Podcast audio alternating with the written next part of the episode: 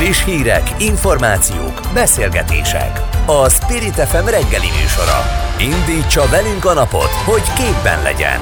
A mikrofonnál Vogyerák Anikó. 7 óra 6 perc van, szép jó reggelt kívánok mindenkinek a szerkesztő Tóró Nikolát nevében is. Április 21-e van, csütörtök, Konrád napja, köszöntjük őket és a születésnaposokat is. És ma van a bölcsöde és óvodák napja, úgyhogy minden ott dolgozót köszöntünk, és köszönjük a munkájukat, szerintem sok anyuka nevében mondhatom ezt. Lássuk, hogy mi mindennel foglalkozunk a mai napon. Miután minden párt mondhatni kiventilálta magát, hogy szerinte éppen ki a hibás a választási verességért, és úgy tűnik, hogy senki nem okolja saját magát, most sokan attól tartanak, hogy elkezdenek egymásnak esni. Mennyire jogos ez, erről fogunk beszélgetni. Legalábbis az LMP és a párbeszéd úgy tűnik, hogy beszólt egymásnak. Kanász Nagy Mátét kérdezem majd arról, hogy hogy lehet megtartani az egységet, és mi az ő álláspontja erről a vitáról. És még fél nyolc előtt beszélünk majd szakértővel is arról, hogy hogyan lehet megtartani az ellenzéki egységet, mi az ő feladatuk a következő négy évben. Szó lesz ma arról is, hogy egy kutatás szerint maguk a DK-s szavazók 40%-a is úgy gondolja, hogy több esélye lenne az ellenzéknek, ha Gyurcsány Ferenc visszalépne. Ez engem meglepett. Ebből a kutatásból kiderül mondjuk az is, hogy Orbán a legnépszerűbb politikus, és őt Figyeljenek, a Momentumos Donát annak követi, hogyha szimpátiáról van szó. Kifejezetten egyébként az ellenzéki vagy a bizonytalan szavazókat kérdezték, úgyhogy több érdekesség is várható majd ebből a kutatásból. Beszélünk majd arról, hogy a vadászpilóta kiképző gépeket vásárol Magyarország, miért van erre szükség egyáltalán. Aztán szó lesz majd arról is, hogy a Jobbik külön oktatási tárcát szeretne, majd elmondják, hogy miért. És természetesen kapcsolunk majd Kievbe és Kárpátaljára is, hiszen a háború tart a szomszédban van. Kezdünk. Spirit FM 92.9 A nagyváros hangja az lenne a legjobb, ha az EP választáson az ellenzéki pártok külön indulnának, nyilatkozta Tordai Bence a Telexnek adott interjújában. Szerinte az MSP párbeszéd szövetség ilyen formán már nem létezik, de a hatpárti együttműködésen belül a zöldek összefonódása sem tűnik reálisnak, mert úgy véli, az LMP-t egyesek már bevitték a DK zöld tagozatának. Kanász Nagy Mátét, az LMP társelnökét kérdezzük. Jó reggelt kívánok!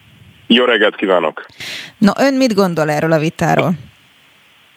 Én azt gondolom, hogy picit még azért abban a csapdában vagyunk, hogyha ezekből a felvetésekből indulunk ki, amely csapdába az elmúlt egy-két évben beleestünk, hogy itt akkor kizárólag az együttműködési vagy együtt nem működési kérdésekkel kell foglalkozni. Én azt gondolom, hogy ezek azért alapvetően olyan taktikai vagy technikai kérdések, amik hát látszólag, és ezt a választás is megmutatta, a választópolgárok érdeklődését azért kevésbé keltik fel, és a politikát tartalommal, értékekkel, programmal, vízióval kell megtölteni, és sokkal inkább szeretnék arról beszélni, hogy milyen országot képzelek el, milyen fenntartható és zöld Magyarországot szeretnék, és szerintem ezek a technikai kérdések, hogy akkor együtt induljunk, külön induljunk, ezek utána következnek, de az való igaz, hogy két év múlva lesz egy EP választás, illetve önkormányzati választás Magyarországon.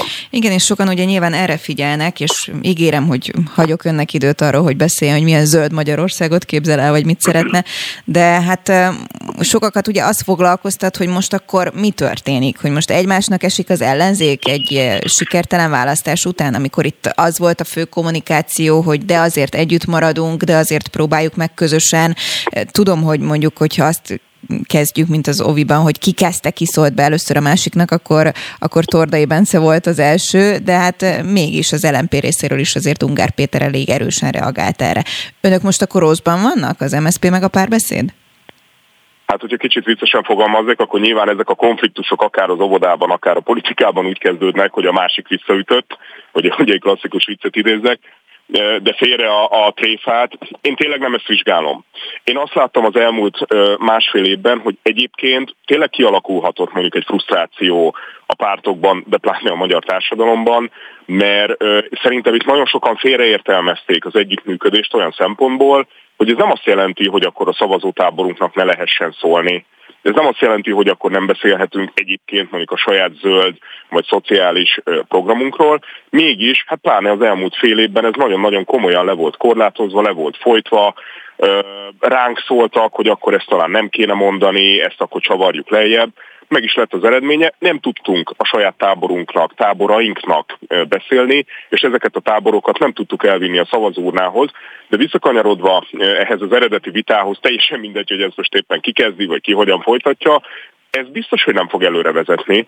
Tehát ha megint azon fogunk rugózni, hogy akkor kivel fogjunk össze, kivel ne fogjunk össze, ez sehova nem vezet, hát gyakorlatilag itt nem tudom, 5-6 évet visszaugrattunk az időben. Jó, jó, jóban vagy rosszban vannak a párbeszéd, vagy ha rosszban vannak, akkor helyrehozzák ezt? Szerintem mindenkivel jóban vagyunk, vagy erre kell törekednünk, és egyébként én azt sem tudom, hogy ez most a párbeszédnek egy egységes álláspontja, vagy ez mondjuk Tordai Bencének egy magánpolitikai álláspontja volt. Én természetesen utóbbit is tiszteletben tartom, meghallgatom, Nyilván ezzel kapcsolatban megvan a véleményem, azt az imént kifejtettem. No, akkor beszéljünk egy kicsit arról is, hogy a következő négy évben mi lesz az ellenzék, illetve mi az önök feladata, mondjuk az LNP feladata ebben. Én mindenképpen azt látom a következő időszakra vonatkozólag, és ez is túl van azon a vitán, hogy a parlamenten belül vagy kívül kell politizálni. Szerintem mindenhol kell politizálni, de természetesen a politikának a súlypontja nem a magyar parlamentben van, de azt sem szabad egyébként szerintem hanyagolni. Tehát az a feladatunk, hogy víziót kínáljunk, és visszaszerezzük a szavazó táborainkat, a szavazó bázisainkat, amit elvesztettünk. Ez pedig csak úgy fog menni, hogyha nem összefogás kérdésekről beszélünk, hanem tartalomról és vízióról. Mi például arról fogunk beszélni, hogy egy zöld és fenntartható országot szeretnénk, egy olyan országot, ahol mondjuk nem fulladunk bele a smogba, a kipufogógázba egy olyan országot, ami szabad, független, szuverén, mert nem függ mondjuk az orosz szénhidrogénektől, és a megújuló energiaforrásokra állunk át, vagy egy olyan országot, ahol jelentősen emeljük a pedagógusok vagy a szociális dolgozók bérét, mert azt gondoljuk, hogy egy erős és gondoskodó államra, közszolgáltatásokra van szükség, ez tesz jót a magyar társadalomnak, és meg kell becsülni azokat, akik másokról gondoskodnak, másokat nevelnek. Pláne ugye, amikor a mai napon beszélünk a bölcsidei dolgozók napjáról, óvodai dolgozók napjáról, akkor ez mondjuk szintén aktuális. No, akkor ide gyorsan betűzök egy kérdést, mert beszélünk majd a jobbikkal, akik azt mondják, hogy önálló oktatási minisztérium felállítása lenne célszerű. Erről mi a véleménye? Mindenképpen támogatom, és ez korábban is lmp javaslat is volt. Én azt gondolom, hogy azért azok a nemzetstratégiai ágazatok és az oktatást, vagy a szociális ágazatot is ide sorolom, amelyek hát a magyar társadalom jól létének javítását szolgálják, és ez nem csak anyagi jólétet jelent, hanem hát széles körben ugye, ami hozzájárul a környezet a társadalmi környezet, vagy a fizikai környezet élhetőségéhez, ennek önálló minisztériumot kéne kapnia. Elsők között van nyilván az oktatási, a szociális, vagy éppen egy önálló környezetvédelmi, klímavédelmi tárca ezzel kapcsolatban a mi programunkban is. Hogy látja egyébként az ellenzéknek, mi a feladata a következő négy évben összességében? Arról most mhm. beszélt, hogy önök mhm. zöld ügyek mellett szeretnének kiállni, de miben fognak másképp politizálni? Szerintem mindenkinek meg kell szólítania még egyszer a saját szavazóbázisát. Az nyilván nem fog menni, minden erőforrást a parlamentre koncentrálunk, mert az, hogy mondjuk kedd este vagy szerda este ott éppen mi történik, ki milyen módosító javaslathoz szól hozzá, valljuk be, annak azért kevés jelentősége van. De például, ha én valamit gondolok a világról, én mondjuk azt gondolom a világról, hogy nem szénnel, olajjal vagy gázzal kéne fűteni, vagy ezekből energiát nyerni, hanem a megújuló energiaforrásokból, akkor ezzel kapcsolatban szerintem én benyújthatok mondjuk egy határozati javaslatot, vagy törvényjavaslatot, hogy írásos jogi formában én ezt képviselem, és akkor tudok róla beszélni, hogy egy ilyen fenntartható országot szeretnék, és ilyet fogok megvalósítani, amikor majd kormányra tudok kerülni, vagy éppen az önkormányzatokban, ahol jelenleg is ott vagyunk, szintén tudunk elő, elő, előre mozdulást elérni. Javaslatokkal halmozza majd el a parlamentet, ezt tudja ígérni? Egészen biztosan nem, lesznek javaslataim, de nem fogom elhalmozni. Én is a politizálásnak más formáit keresem, én még egyszer elsősorban parlamenten kívül. Nagyon-nagyon sok társadalmi szervezettel, civil szervezettel, magánemberrel kell találkozni. Ezek a személyes találkozások, ezek a személyes közösségi élmények tudnak előrevinni. Egyébként a kampány során is ezt tapasztaltam, ezt elkezdtük, van is tapasztalatunk, van már bázis, ezt tovább kell vinni, mert ezt tud sikerre vezetni, de még egyszer, ne hanyagoljuk el, és pláne a szerintem a legfontosabb a politikának a tartalmi része, milyen országot szeretnénk 2026-tól, ezen kell dolgoznunk, hogy ezt mindenkivel megismertessük. Kanász Nagy Máté az LNP társelnöke. Köszönöm, szép napot! Köszönöm szépen! Spirit FM 92.9 A nagyváros hangja Legalább a népszórakoztatásról gondoskodnak, így reagált Schiffer András, az LNP alapítója Tortai Bence nyilatkozatára. Mint Schiffer fogalmazott, a párbeszéd már 2014-ben felkérezkedett a Gyurcsányjal közös listára, míg az LNP ezt csak 2022-ben tette meg. Közben Ungár Péter, az LNP politikusa is kommentálta a nyilatkozatot, szerinte harci kiáltások helyett érdemes ennél kicsit több időt az önvizsgálatra szánni. A helyzetről Rajnai Gergelyel, a Méltányosság Politika Elemző Központ elemzőjével beszélgetünk. Jó reggelt kívánok! Jó reggelt kívánok! És egy picit talán hallott az imént Kanász Nagy Mátéval való beszélgetésünkből részletet. Nem tudom, hogy azt hallotta egyébként, hogy igazából ő egy ilyen óvodai példához hasonlította ezt a szituációt, és azt is mondta, hogy hát nem tudja, hogy ez most mennyire Tordai Bencének a saját véleménye volt, vagy a párbeszéd véleménye, de hogy ő kifejezetten azt mondta, hogy a vita nem vezet előre. Szóval hogy látja, most elkezdenek egymásnak esni igazából az ellenzéki pártok, vagy ez most csak egy ilyen egyszeri kis szösszenet volt? Hát az ellenzéki pártok szerintem nem most kezdtek egymásnak esni, hanem azért már csinálják egy jó ideje, mondhatni évek óta, tehát azért a kampány során se függesztették ezt teljesen. Most nyilván egy kicsit nyíltabban csinálják, mint, mint a kampány alatt, ahol próbáltak egységesen fölépni, de azért egyértelműen volt egy ilyen érzet az összefogással kapcsolatban, hogy itt azért nem egyértelmű, hogy kinek pontosan milyen pozíció, és van egy belső küzdelem is. Ami egy választás után egyébként, hogy mondjam, bizonyos szempontból természetes, főleg az eredmények ismeretében, ami arra utalt, hogy igazából itt tényleg egyrészt nincs annyi szavazó, hogy ez valóban hat pártot eltartson, vagy esetleg hetet, hogyha már kizaj Péter kezdeményezését is ide vesszük. Másrészt pedig hát nagyon hasonló szavazók vannak, tehát igazából mármint, hogy földrajzi helyezkedésben és egyéb szempontok szerint is. Tehát nagyon hasonló szavazók szavaznak igazából ezek a pártok, majd hogy nem kicseréltük egymással nagy részben, és éppen ezért teljesen logikus, hogy mind azért küzd gyakorlatilag a fennmaradásáért, hogy átvegye az ellenzék vezető szerepét, és igazából ő legyen a ö, valóban vezető párt. Ugye itt a, majd az EP választásig ez valószínűleg így is fog zajlani, hiszen ott, ott igazából eldőlhet ez az erős sorrend. És Sifer András úgy fogalmazott, hogy hát ez arra jó, hogy mondjuk népszórakoztatásról gondoskodnak. Ugyanakkor én azt gondolnám, hogy sokan, akik mondjuk akár kormánypárti szavazók, azt mondhatják az ilyen típusú viták, vitákra, hogy na lám, lám, hogyha ők nyertek volna, akkor is ugyanez lenne. Hogy látja?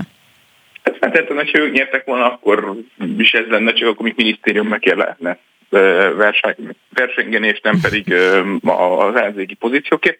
De ez bizonyos szempontból, hogy mondjam, egy koalíció vagy egy több párt együttműködésnek egy természetes velejárója, hogy mi a profi politizálásnak nyiki része lenne, hogy ennek a lehető legkisebb részét vigyék a nyilvánosság elé. Ugye az sem véletlen, hogy mondjuk itt Tordai Bence rögtön a másik zöld pártot támogatja, hogy Magyarországon azért a zöld szavazók száma viszonylag alacsony, két zöld pártnak az eltartására semmiképp sem elegendő, tehát hogy, hogy láthatóan itt mindenki arra próbál kozik belőni, hogy a saját sávját azt megpróbálja mennyire lehet leuralni. Ez egyébként magában természetes, és mondjuk bizonyos szempontból helyes is, tehát hogyha valaki emlékszik, hogy tulajdonképpen ez történt, hogy 98 után is, amikor a Fidesz meg a kisgazdák és az MDF és egyéb jobboldali szervezetek között egy ilyen elég sokszínű koalíció vett át a kormányzást, csak akkor mondjuk hogy egy fokkal csöndesebben, de gyakorlatilag a Fidesz ugyanezt csinálta, hogy szép lassan megpróbálta bedarálni ezt az egész oldalt, és egy egységes jobb oldalt alakított ki 2002-re, és aztán végül 2010-re már teljesen. Tehát tulajdonképpen ez nem egy, hogy mondjam, ördögtől való felvetés, hogy egy valamelyest egyesíteni próbálják ezt az oldalt. Az a némileg probléma, hogy mondjuk ezeket egyrészt nem tartalmi kérdések mentén próbálják tematizálni a nyilvánosságban, másrészt egyáltalán nyilvánosságban zajlik ez. Egyetért azzal? Sokan azt mondják, hogy igazából, ahogy ön is említette a Fidesz példáját, hogy most a DK próbálja bedarálni az összes többit? Nyilván nekik van a legjobb lehetőség, hiszen nekik van a legkiterjedtebb pártszervezetük, és a legtöbb képviselőjük, legtöbb szavazójuk is feltehetően. Tehát erre neki van ennél beség, nyilván mindenki más is megpróbálná bedarálni a többit. Itt igazából tényleg az a, a legnagyobb probléma, hogy nagyon hasonló helyeken vannak a szavazók, tehát igazából lehetne a többségi választási rendszernek azt szinte mindenki elmondja, hogy, hogy az elsődleges hatása az, hogy hát ilyen két alakít ki, és akkor a győztes mindent visz alapon működik, és akkor ezért csak két nagy, nagy jelölt van minden körzetben. De valójában egy másik jellemzője nem csak az, hogy két pártrendszer tud kialakítani, hanem ilyen regionális pártrendszereket. Tehát mindenfajta körzetekre különböző pártok tudnak rámenni. Tehát például Indiában is többségi párt rendszer van, vagy többségi választási rendszer, tehát ahol győztes mindent visz, és ehhez képest ilyen 40-60 párt is be tud jutni a parlamentben, ilyen nagyobb országról beszélünk. De nagyon különbözőek a regionális választási rendszerek. Most ugye tehát az ellenzéknek lenne egy ilyen opciója, hogyha most már tényleg mindenféle dolgot kipróbáltak, hogy valami fajta regionális felosztásban próbálják azt mondani, hogy egy pártak, amit tudom én, a budapesti, vagy a budai, másiknak a pesti, a harmadiknak a, a, a mindenfajta nyugat-magyarországi, másodiknak a kelet-magyarországi területek lennének a megfelelők, és akkor arra megfelelő üzeneteket próbáljanak mondani. Csak hát úgy tűnik, hogy a szavazóknak azért nagyon koncentrált és nagyon hasonló jellegű szavazóik vannak, tehát nem nagyon tudják így, így felosztani. Úgyhogy marad gyakorlatilag ez a bedorálás és egy párt alakulás, tehát láthatóan ez a sokpárti felállás, ez bár csak azért sem működött, mert ezek a belső viták ezek folyamatosan zajlanak, és ez, ez semmiképp sem szimpatikus a, a választóknak, tehát ezzel annyira nem akarnak foglalkozni a bizonytalanok semmiképp sem, és éppen ezért van egyfajta egységesülésre van választói igény is, pártigény mindig is volt, hogy, hogy, hogy egy-egy párt emelkedjen ki, és, és igazából valójában tényleg a DK-nak, illetve talán bizonyos körben a Momentumnak van olyan szervezete, ami, amiből bármennyire ezt el lehet képzelni. Most a, a, a Jobbiknak eléggé leamortizáltatott a szervezete, a, a két zöld pártnak eleve nem nagyon volt országos, vagy akár budapestire feledséges teljesen, tehát igazából és az MSZP? nincs erre Hát az MSZP-nek a, az infrastruktúrája nagyjából már beépült a DK-ba, illetve a, hát gyakorlatilag az ő politikusaiknak az ismertség az jelentősen csökkent. Tehát most már ugye az, hogy az MSZP nek egy jelentős mennyiségű politikus egyrészt átment a DK-ba, másrészt pedig ők, amikor jelölteket állítottak, jellemzően a párbeszédből kölcsönözték őket, jellemzően Karácsony Gergely, tehát a fontos pozíciókra igazából a szocialisták szinte sose saját jelöltekkel mentek neki. Ezzel gyakorlatilag nem építettek fel maguknak olyan erős politikust, aki köré lehetne építeni egy infrastruktúrát. Az MSZP-nek az infrastruktúrájának igazából a beolvasztása akár a DK-ba, az nem egy, nem tűnik ma már lehetetlen kilátásnak, mert egyszerűen nincs ennyi, ennyi pátra igény az ellenzéki oldalon sem, az ellenzéki szavazók sem ott ülnek, hogy hát én csak és kizárólag az MSZP-re vagyok hajlandó szavazni, és hogyha megszűnne az MSZP, akkor nem szavazni kell, hanem itt, itt, itt arra várnak, hogy legyen egy darab, vagy legfeljebb kettő olyan erő, ami igazából egy letisztultabbá teszi a képet, és a belharcokat talán egy kicsit hogy mondjam, csökkenteni. Lesz ma témánk az adásban egy kutatás, amely kifejezetten az ellenzéki szavazók illetve a bizonytalanok körében készült, és számomra nagyon meglepő eredményt hozott. Például a többsége a szavazóknak azt mondaná, hogy igazából a kormányváltást csak akkor tudná elképzelhetőnek tartani, hogyha Gyurcsány Ferenc visszavonulna. És külön megnézték azt is, hogy egyébként melyik párt szimpatizáns mire szavaz ebben a kérdésben, és a DK-s szavazók 40%-a is ugyanígy gondolja ezt. Ez kifejezetten érdekes most ebben a kontextusban, hogy beszélgetünk, hogy egyébként mondjuk a DK megpróbálná bedarálni akár a többi pártot, és hogy legyen egy nagy ellenzéki párt a túloldalon. Mit gondol erről?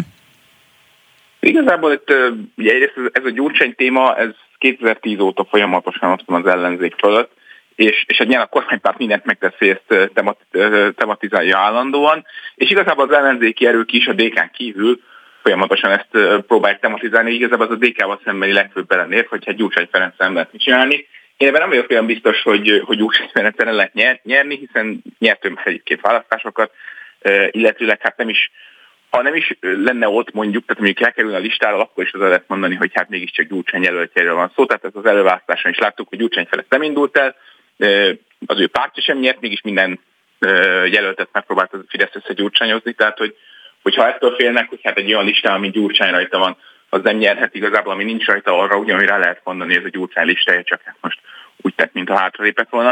Tehát, hogyha ezt az egy szempontot veszik figyelembe, és még erről van szó, hogy milyen személyekkel, meg milyen logókkal lehet jobb enger rosszabb eredményt elérni, akkor semmiképp sem fog előrépni az ellenzék, mert ez igazából szerintem még az ő saját választóikat is kevésbé érdekli ahhoz képest, hogy, hogy tényleg milyen tartalmi ajánlatot tudnak mondani, milyen szervezetet tudnak felépíteni. Ugyanebben a kutatásban egy másik számomra érdekes pont volt, és erről is, vagy ebben a kérdésben is kíváncsi a véleményére, amikor azt kérdezték, hogy melyik politikus a legszimpatikusabb, akkor egyébként már az is fura, hogy Orbán Viktor volt az első helyen, de a második helyen egyébként Donát Anna volt. Mi lehet ennek az oka ön szerint? Szerintem itt elsősorban arról van szó, hogy mindig a, mondjam, az újak tisztasága az egy ilyen jó hívó szó tud lenni. Most itt az Orbán Viktor tegyük ebbe a szempontból zárójelbe, de, a, de, de hogy ugye általánosságban ugye Márkizaj Péternek is volt egy ilyen rövid időszaka az előválasztás idején, amikor, amikor ezt a pozíciót elfogadta. Amikor még így nem igazán ismerjük meg az adott jelöltet, akkor, akkor azért csupa pozitív dolgot tudunk hozzá társítani, tehát Donátanának az ismertség és még viszonylag alacsony, ismerik talán a nevét, de igazából olyan sok mindent nem tudnak hozzákötni, maximum azt, hogy európai képviselő, tehát akkor valamifajta nyugatos. Bocsánat, figura. itt nem játszhat az szerepet egyébként, mert ez a kutatás a választás után készült, és igazából Donát Anna volt az egyetlen, aki beleállt abba, hogy kiállt már Kizaj Péter mellett azon a bizonyos estén, amikor ugye brutál vereséget szenvedtek. Abban a szempontból belejátszott, hogy nem sok mindent tudnak róla, ez viszont akkor egy ilyen friss élmény, uh-huh. hogy ez egy relatív pozitív élménynek tűnt, hogy akkor most úgy tűnik, hogy na, valaki van, aki hajlandó szembenézni a dolgokkal, és próbál valamit csinálni, valami következtetéseket próbál levonni. De mondom, ez igazából ennek azért az idő meg kell várni, hogy mennyire az idő próbáját kiállni, mert ezek a, a, a relatíve kevés ismert jelölteknek a pozitív megítélése, ez egy abszolút nemzetközi trend, és aztán ahogy egyre ismertebbé válnak, úgy csökken az ő népszerűségük. Tehát azért Fekete Győr Andrásnak is igazából az volt a problémája korábbi Momentum vezetőként, amikor egyre jobban megismertük, meg egyre, jobb, egyre több interjút adott, úgy vált egyre népszerűtlenebbé a saját szavazói körében is. Tehát, hogyha ez, lenne az igazi próba, amikor az ember betör, és csak a nevét így hirtelen belengetik, és csak ilyen homályosan ismerik, akkor sokkal könnyebb népszerűséget szerezni, mint akkor, amikor már az ember évek óta a politika első vonalában harcol, és mondjuk esetleg lejárató kampány is van ellene. Rajnai Gergely, a Méltányosság Politika Elemző Központ elemzője. Nagyon szépen köszönöm, hogy a rendelkezésünkre állt. Szép napot! Köszönöm. Viszontalás! Friss hírek, információk, beszélgetések. A Spirit FM reggeli műsora. Indítsa velünk a napot, hogy képben legyen. A mikrofonnál Vogyerák Anikó. 12 vadászpilóta kiképzőgépet vásárol Magyarország. Az úgynevezett L-39 NG sugárhajtású kiképzőgépekből 8 a magyar pilóták itthoni képzéséért lesz felelős. Négy gép pedig egy cseh magyar kutatásfejlesztési program része lesz. Marót Gáspár úgy látja, ezzel olcsóbb és hatékonyabb lesz a hazai pilótaképzés, illetve megerősíthető a V4-ek együttműködése is. A részletekről Marót Gáspár védelmi fejlesztésekért felelős kormánybiztossal beszélgetünk. Jó reggelt kívánok! Jó reggelt kívánok! Mit kell tudni erről a vadászpilóta kiképző gépekről? Miben jók ezek? Miért van erre szükségünk? Ja, a vadászpilótáknak a képzése az egy több lépcsős folyamat, ami kezdődik az egészen egyszerű gépektől, aztán a sugárhajtású gépekkel zárul, illetve hát maga, magukkal a vadászgépekkel, amiken aztán szolgálatot teljesítenek. És ennek egy nagyon lényeges eleme a, a a csúcskategóriájú vadászgépek alatti sugárhajtású, de már katonainak számító repülőgépeken történő kiképzés, ezek műveleti kiképzések már, amik már nem egyszerűen a repülő repülés technikai kiképzések, hanem a katonai műveleteknek a begyakorlására szolgálnak. Miért szuper jók ezek? Miért Csehországból rendeljük? Csehország ebben évtizedek óta a, talán, ha jól tudom, a világpiaci első az eladásokban. A magyar repülőnapokon is lehetett látni ennek a típusú gépnek a korábbi formáját, ugye az Albatrosz néven elhíresült korábbi cseki képzőgép volt. ugye ami a lényeges eleme ennek a történetnek, hogy jelen pillanatban talán a, a katonai képzések közül az egyik legdrágább a vadászpilótáknak a kiképzése, és pont ez az utolsó fázis a katonai kiképzés. Ezt idáig külföldön oldottuk meg a Magyar Honvédség számára, viszont innentől kezdve lehetőség nyílik sokkal olcsóbban hazai körülmények között biztosítani ennek a kiképzésnek a nagy részét. Arra akkor válaszolt is, hogy mitől lesz ez olcsóbb, mert gondolom maga a gép az nem annyira olcsóbb. Mitől lesz hatékonyabb egyébként a hazai pilótaképzés ettől a beszerzéstől? Az, a, még az olcsóságra visszatérve, az nem csak a kiképzés lesz olcsóbb, hanem a vadászpilótáknál, úgy mint minden katonai szervezetnél az egyik legfontosabb dolog, hogy a tudását, a katonáknak a tudását a szinten tudjuk tartani. És ezek a gépek fogják azt biztosítani, hogy maga a szinten tartása is a, a vadászpilótáinknak sokkal olcsóbb legyen. Ugye érthető legyen, Ugye ez nem mindegy, hogy amikor műveleti szinten tartó kiképzéseket hajtanak végre, akkor az úgynevezett célrepülést azt milyen gépekkel hajtják végre. Hogyha erre a legdrágább vadászgépeket használják a célrepülésre, az könnyen belátható, hogy az mennyivel drágítja meg ezt a folyamatot.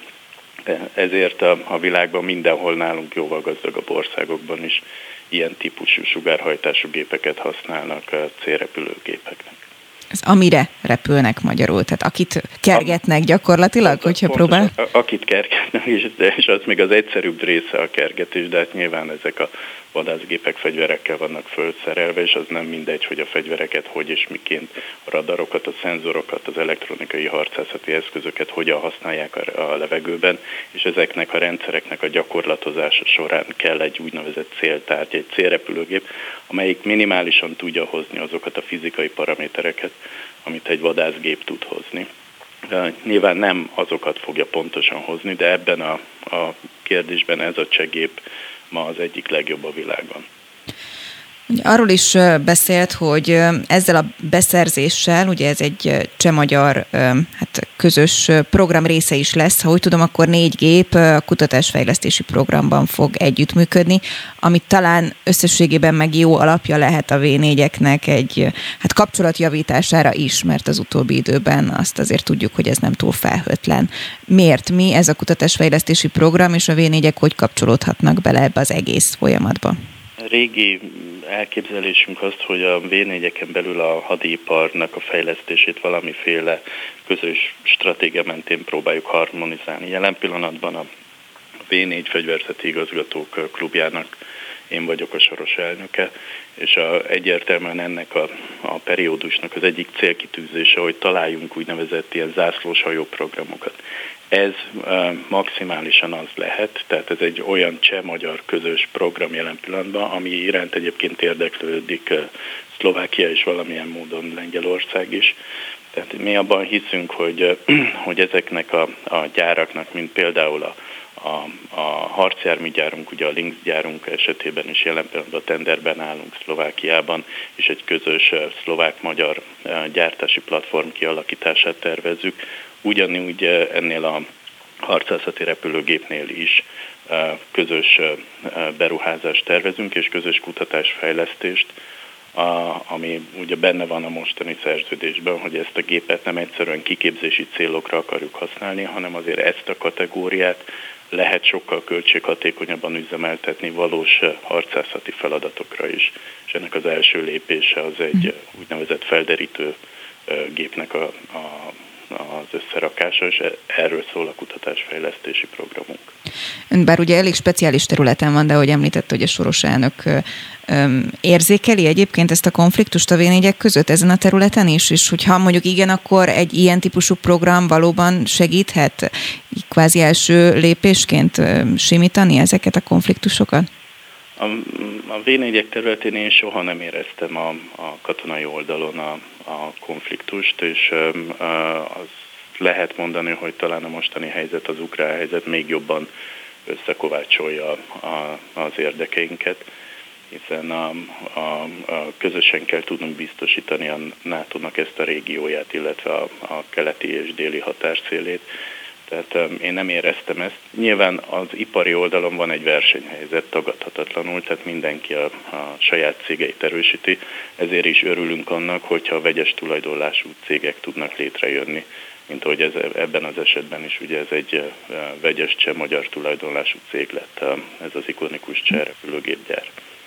Hogy látja most, mi a következő lépés, hogyha védelmi fejlesztésről van szó, van folyamatban lévő ügy, amely most a közeljövőben mondjuk bejelentésre vár? A Magyar Honvédségnek van egy hosszú távú programja, nyilván a most jelen pillanatban az új kormány összetételén dolgozik a miniszterelnök úr, meg lesz az új honvédelmi miniszter, az új ágazati vezető emberek, és akkor gondolom a Magyar Honvédség előterjeszti a, a nála készen lévő programokat, és akkor tudunk mi is tovább menni, gondolkodni ezekről. Önnel fogok még beszélgetni ilyen titulusban? Azt jelen pillanatban nem lehet megmondani, az, az majd a jövő dönti el. Jó, rendben, muszáj volt megkérdeznem. Marod Gáspár védelmi fejlesztésekért felelős kormánybiztos. Köszönöm, szép Köszönöm napot! szépen, minden jót kezít sokan. Spirit FM 92.9 A nagyváros hangja a Jobbik önálló oktatási minisztérium felállítását szorgalmazza. Ezt azzal indokolják, hogy a közoktatás és a felsőoktatás ügyét nem lehet egymástól elszakítva kezelni és fejleszteni. A Jobbik közleményében felszólítja a kormányt, hogy hagyjon fel értelmiség és tudás ellenes politikájával, és juttasson a mainál több forrást a felsőoktatásnak, valamint adjon 21. századi válaszokat a kor kihívásaira. A vonalban Brenner Koloman, a Jobbik országgyűlési képviselője. Jó reggelt kívánok! Kedves hallgatóknak is. No, most hallom, hogy össze-vissza kapcsolgatok ma mindenkit elnézést, szóval köszöntöm Önt még egyszer. Ö, miért van szükség egy önálló oktatási intézményre ön szerint? Nem elég hangsúlyos így? Úgy egyáltalán jobban meghallják majd a hangját mondjuk a tanároknak?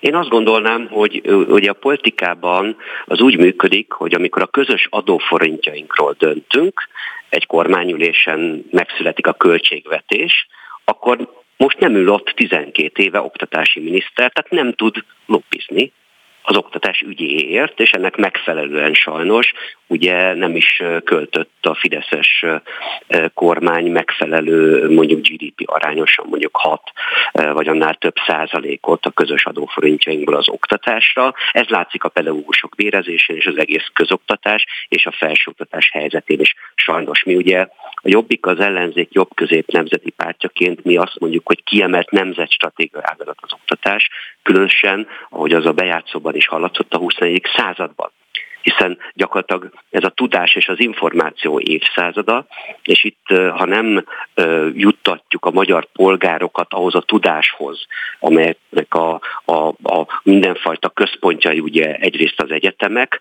majd aztán az iskolarendszeren keresztül jut el ez a pedagógusok munkán keresztül a szélesebb társadalomhoz. Ha ez nincs meg, ez a modern tudás, akkor a 20.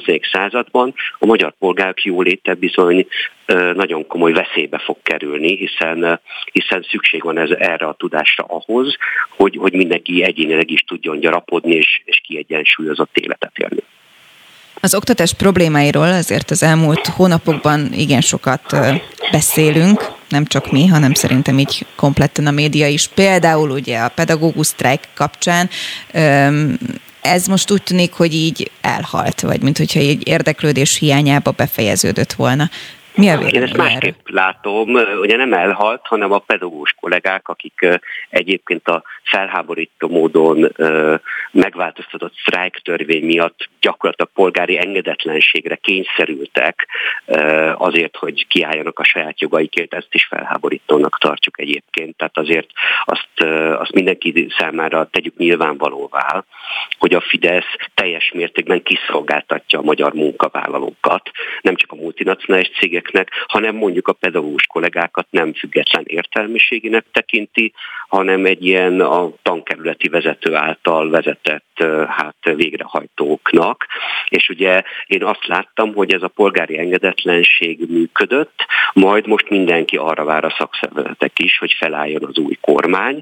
Meglátjuk lesz-e ebben az új kormányzati struktúrában olyan egységes oktatási minisztérium, amit a Jobbik elképzel, a bölcsödétől az egyetemig egy oktatási minisztérium, hiszen jelenleg teljesen széttagolt a rendszer. Ugye Palkovics miniszter úrhoz az innovációs és technológiai minisztériumhoz tartozik az egyetemi világ és a szakképzés, agyrém, tehát hogy a szakképzés kiveszik a közoktatás rendszerébe, egy másik minisztériumhoz teszik. Tehát meglátjuk, hogy mi az új kormányzati struktúra, és azt hallom, hogy a szakszervezetek minimum 45%-os béremelést követelnek továbbra is, tehát én biztos vagyok benne, hogy abban a pillanatban, amikor feláll az új kormány, akkor a pedagógus kollégák továbbra is ki fognak állni a jogaikért, mi ezt támogatjuk.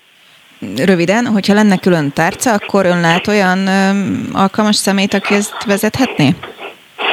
A Fideszen belül mm, gondolja szerkesztő azt, hogy hát, vagy, hogy, vagy általában. Azt tippelem, hogy a Fidesz nem magán kívül fog választani erre a posztra valakit, úgyhogy akkor De csak megkérdeztem, hogy mire vonatkozik a kérdés, hogy egy, egy ideáltipikus világban kit gondolnék jónak, vagy pedig a jelenlegi aktuális hát, politika helyzetben. maradjunk a realitásoknál szerintem a következő Igen. időszakban. Rendben, elfogadom.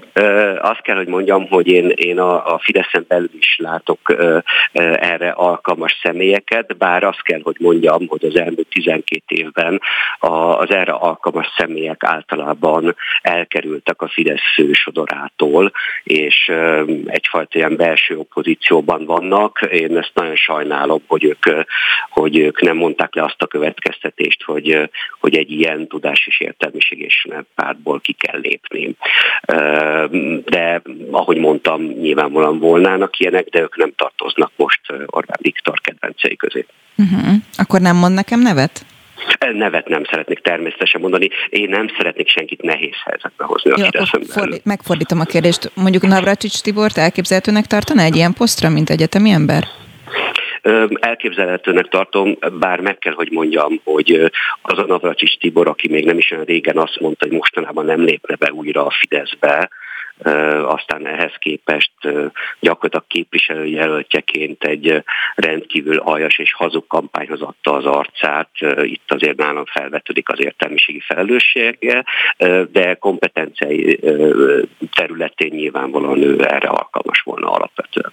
No, végszóra egy másik témában is, hát kíváncsi vagyok, a, hát nem a véleményére, hanem hogy mi történt, mert hogy tegnap a TASZ szervezésében volt egy, egy megbeszélés, vagy nem tudom, kerekasztal beszélgetés, ahol ellenzéki politikusok beszélgettek, ön is ott volt, és Hatházi Ákos hosszan beszélt például arról, hogy több értelme lenne az Ózdi Kultúrházban vitázni, mint a parlamentben, és ön egy adott ponton kiment. Miért? Ez egy elég furcsa telexes újságíró kollega elég furcsán adja vissza a valóságot, hiszen hatházi Ákos előttem távozott. Itt annyi történt egyébként, hogy én jeleztem a moderátor hölgynek, hogy én 19 óra 15 perckor sajnos el kell mennem, és kértem tőle egy utolsó megszólási lehetőséget, amit nem kaptam meg, ekkor álltam fel és mentem ki.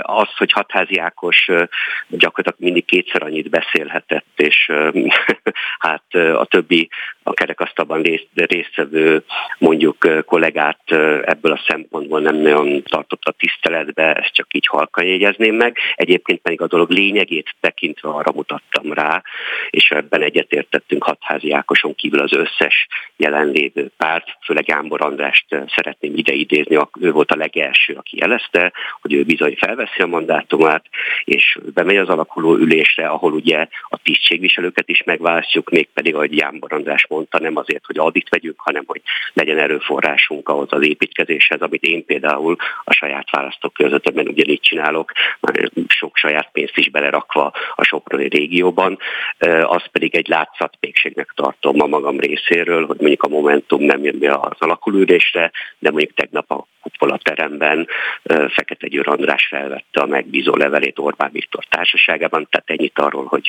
hogy is mondjam, az ilyen szimbolikus politizálásnak milyen sora van. Brenner Kolomon a Jobbik országgyűlési képviselője. Köszönöm szépen. Szép Nagyon napot. köszönöm a lehetőséget, szép napot kívánok. Spirit FM 92.9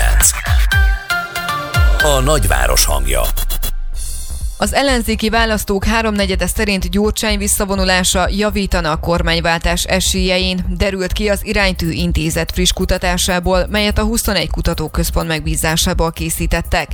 A megkérdezettek szerint a legnépszerűbb politikus Orbán Viktor, az ellenzéki térfélen pedig Donát Anna lett a legkedveltebb. A Fidesz választási győzelmének okairól és a kutatás további részleteiről Róna Dánielt, a 21 kutatóközpont igazgatóját kérdezzük. Jó reggelt kívánok!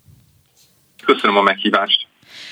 Nagyon vártam, hogy beszélgessünk, mert nagyon izgalmasnak tartom a kutatásukat, úgyhogy szaladjunk is végig rajta. Az lepett meg engem a leginkább, ugye itt a felvezetésben is hallhattuk, hogy, hogy az ellenzéki választók háromnegyede szerint Gyurcsány visszavonulása javítana a helyzeten, és engem nagyon meglepett, hogy külön vizsgálták azt is, hogy melyik párt szimpatizáns mit gondol erről a kérdésről, és a DK-s szavazók 40%-a maga is így vélekedik. Önt meglepte ez?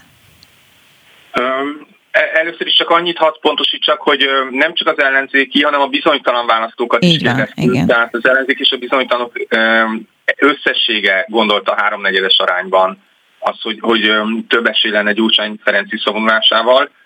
Um, engem annyira nem lepett meg, uh, mert sok korábbi kutatást láttam Gyurcsány Ferenccel kapcsolatban, és um, lehetett tudni, hogy ő a legelutasítottabb politikus a hazai politikai mezőnyben. Hát ő Talán ezt nem így látja. A... Ő maga ezt nem így látja. Hát ugye az, hogy ki mennyire elutasított, az egy tudományos közleménykutatási kérdés. Tehát ez nem, nem egy politikai kérdés, erről egy politikus ugyan formálhat vélemény, de, de én szerintem uh, uh, itt a kutatásokra kell hallgatni. És uh, ami meglepett, hogy a DK szavazóknak uh, is a 42%-a így gondolta. Erre két magyarázattal álltunk elő. Az egyik az, hogy attól még egyébként kedvelhetik ezek az emberek, akik így nyilatkoztak, csak lehet, hogy ők is belátják, hogy mások viszont nem kedvelik annyira, és az ő személye az elidegeníthet választókat, és a Fidesz kampányolhat és mobilizálhat az ő, a saját szavazóit mobilizálhatja az ő szemével. A másik pedig az, hogy a DK azért az utóbbi időben több kampányt is Dobrev Klára vezetésével vívott meg, elég sikeresen, és én szerintem nagy a valószínűség annak, hogy a DK szavazók egy része már inkább Dobrev Klára személyéhez kötődik, és, és benne látja a vezetőt, mint, mint sem Gyurcsány Ferencben. Megkérdezték Márki Zajról is az emberek véleményét, ott mi derült ki? A, a, ezzel kapcsolatban jóval megosztottabb volt az ellenzéki és bizonytalan közönség.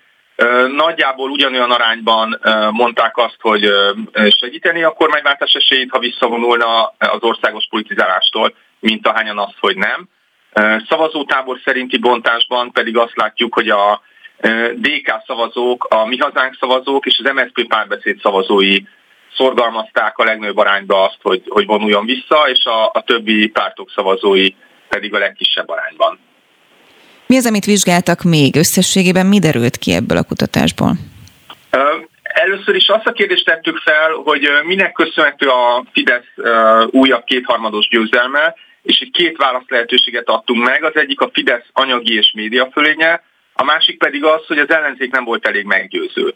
Tehát az egyik opció szerint az ellenzék áldozat, a rendszer áldozata, a másik opció szerint az ellenzék maga hibáztatható, és nagyon sokan azt mondták, hogy mindkettő be van igazság, hogy nagyon sokan azt mondták, hogy mindkettő igaz, 30%-a a válaszadóknak, az ellenzéket 20, 20% hibáztatta, és 47% volt azoknak az aránya, akik a Fidesz anyagi és média fölényére vezették vissza a győzelmet. Szóval összességében azt látjuk, hogy az ellenzék és bizonytalan választók is megosztottak a tekintetben, hogy ez mennyire a, hogy az ellenzék mennyire áldozata a Fidesz rendszerének, vagy mennyire hibáztatható.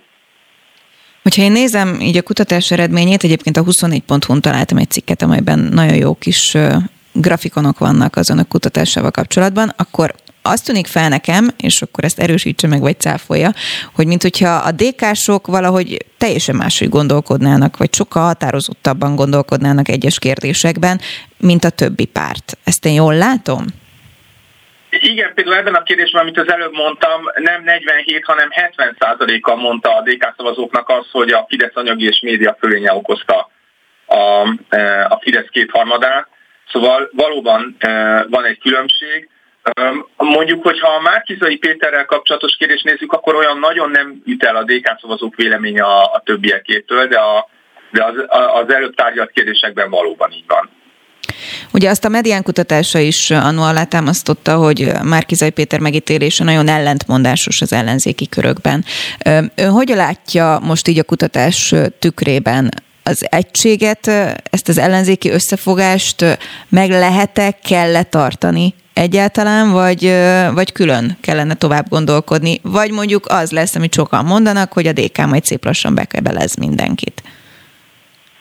Én nem, nem látom úgy, hogy, hogy bármelyik ellenzéki párt olyan erős lenne, és olyan jól jött volna ki ebből a küzdelemből, hogy be tudja kebelezni a többit. Én továbbra is azt látom az adatokból, hogy az ellenzéki közönség az tagolt, sokszínű, sokszor egymásnak is ellentmondó elvárásokkal néz a, a politikusok felé, úgyhogy engem igazán meglepne, hogyha ha lenne egy ellenzéki erő, aki maga, maga alá temeti a, az összeset, de, de persze hát nem látja senki a jövőt, úgyhogy nem lehet kizárni. Ami meg az ellenzéki összefogást illeti, itt azért az, hogy az ellenzék a, a vártnál, vagy a, rem, a ellenzékek által reméltnél rosszabb eredményt ért el, az nem biztos, hogy amiatt van, mert összefogtak.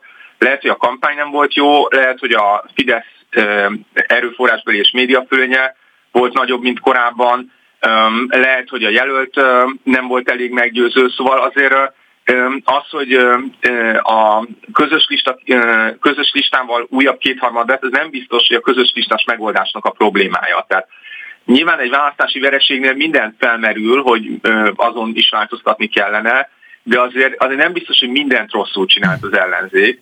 Lehet, hogy voltak olyan dolgok, amiket jól csinált, csak ez nem tudott kifizetődni más okok miatt. Rona Dániel, a 21 Kutatóközpont igazgatója. Nagyon szépen köszönöm, hogy a rendelkezésünkre állt. Szép napot! Én köszönöm a meghívást, viszont hallásra. Friss hírek, információk, beszélgetések. A Spirit FM reggeli műsora. Indítsa velünk a napot, hogy képben legyen. A mikrofonnál Vogyerák Anikó. 8 óra 6 perc van, szép jó reggelt kívánok mindenkinek, és ebben az órában a fő témánk az, hogy hát háború van a szomszédban, Ukrajnában lassan két hónapja, és itt van velünk telefonon Kis Dániel, az Index tudósítója. Köszöntelek téged! Jó reggelt kívánok!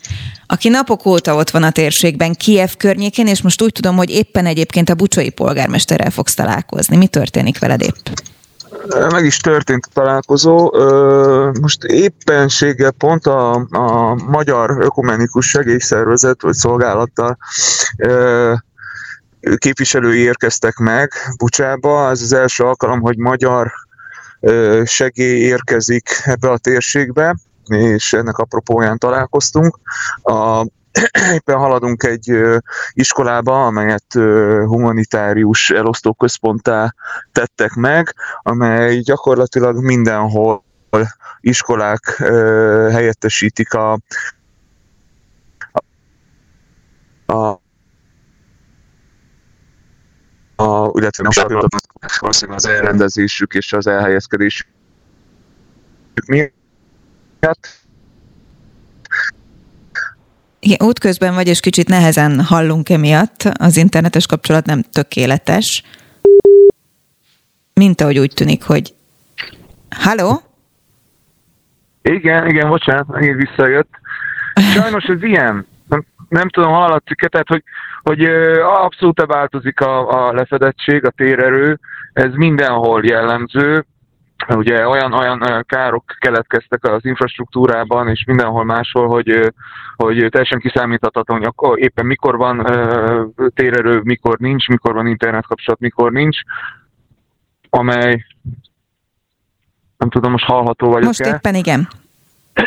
Igen, amely, amely ugye elkeserítő volt azoknak az embereknek a számára, akik megszállás alatt voltak. Nagyon sokáig ugye el voltak zárva a külvilágtól, sőt, miután az oroszok kivonultak, utána is ö, mondjuk most Borodjánka jut eszembe, ott például a, a humanitárius központban töltötték a telefonjaikat, ott tudtak wifi-t létesíteni, és akkor akár hónapok után először tudták felvenni a kapcsolatot szeretteikkel. Ez olyan a helyzet. Bucsa egyébként most igazából csak depresszív, nem mondhatom azt, hogy tehát már nincsenek halottak nyilván az utcán, nincsenek kilőtt tankok, haditek. Igen, most megint szakadozol. Hát, ha éppen... Igen. És talán megint jó lesz. Na, és most? Most jó. Igen. Most jó. Ez ilyen, igen, igen. Dani, te mit, mit tapasztalsz összességében? Ugye napok óta ott vagy egy olyan térségben, ahol, ahol háború van, Kiev környékén is. Hogy élik meg az hát, emberek? Van ellátás? Mit, mit tudsz mondani?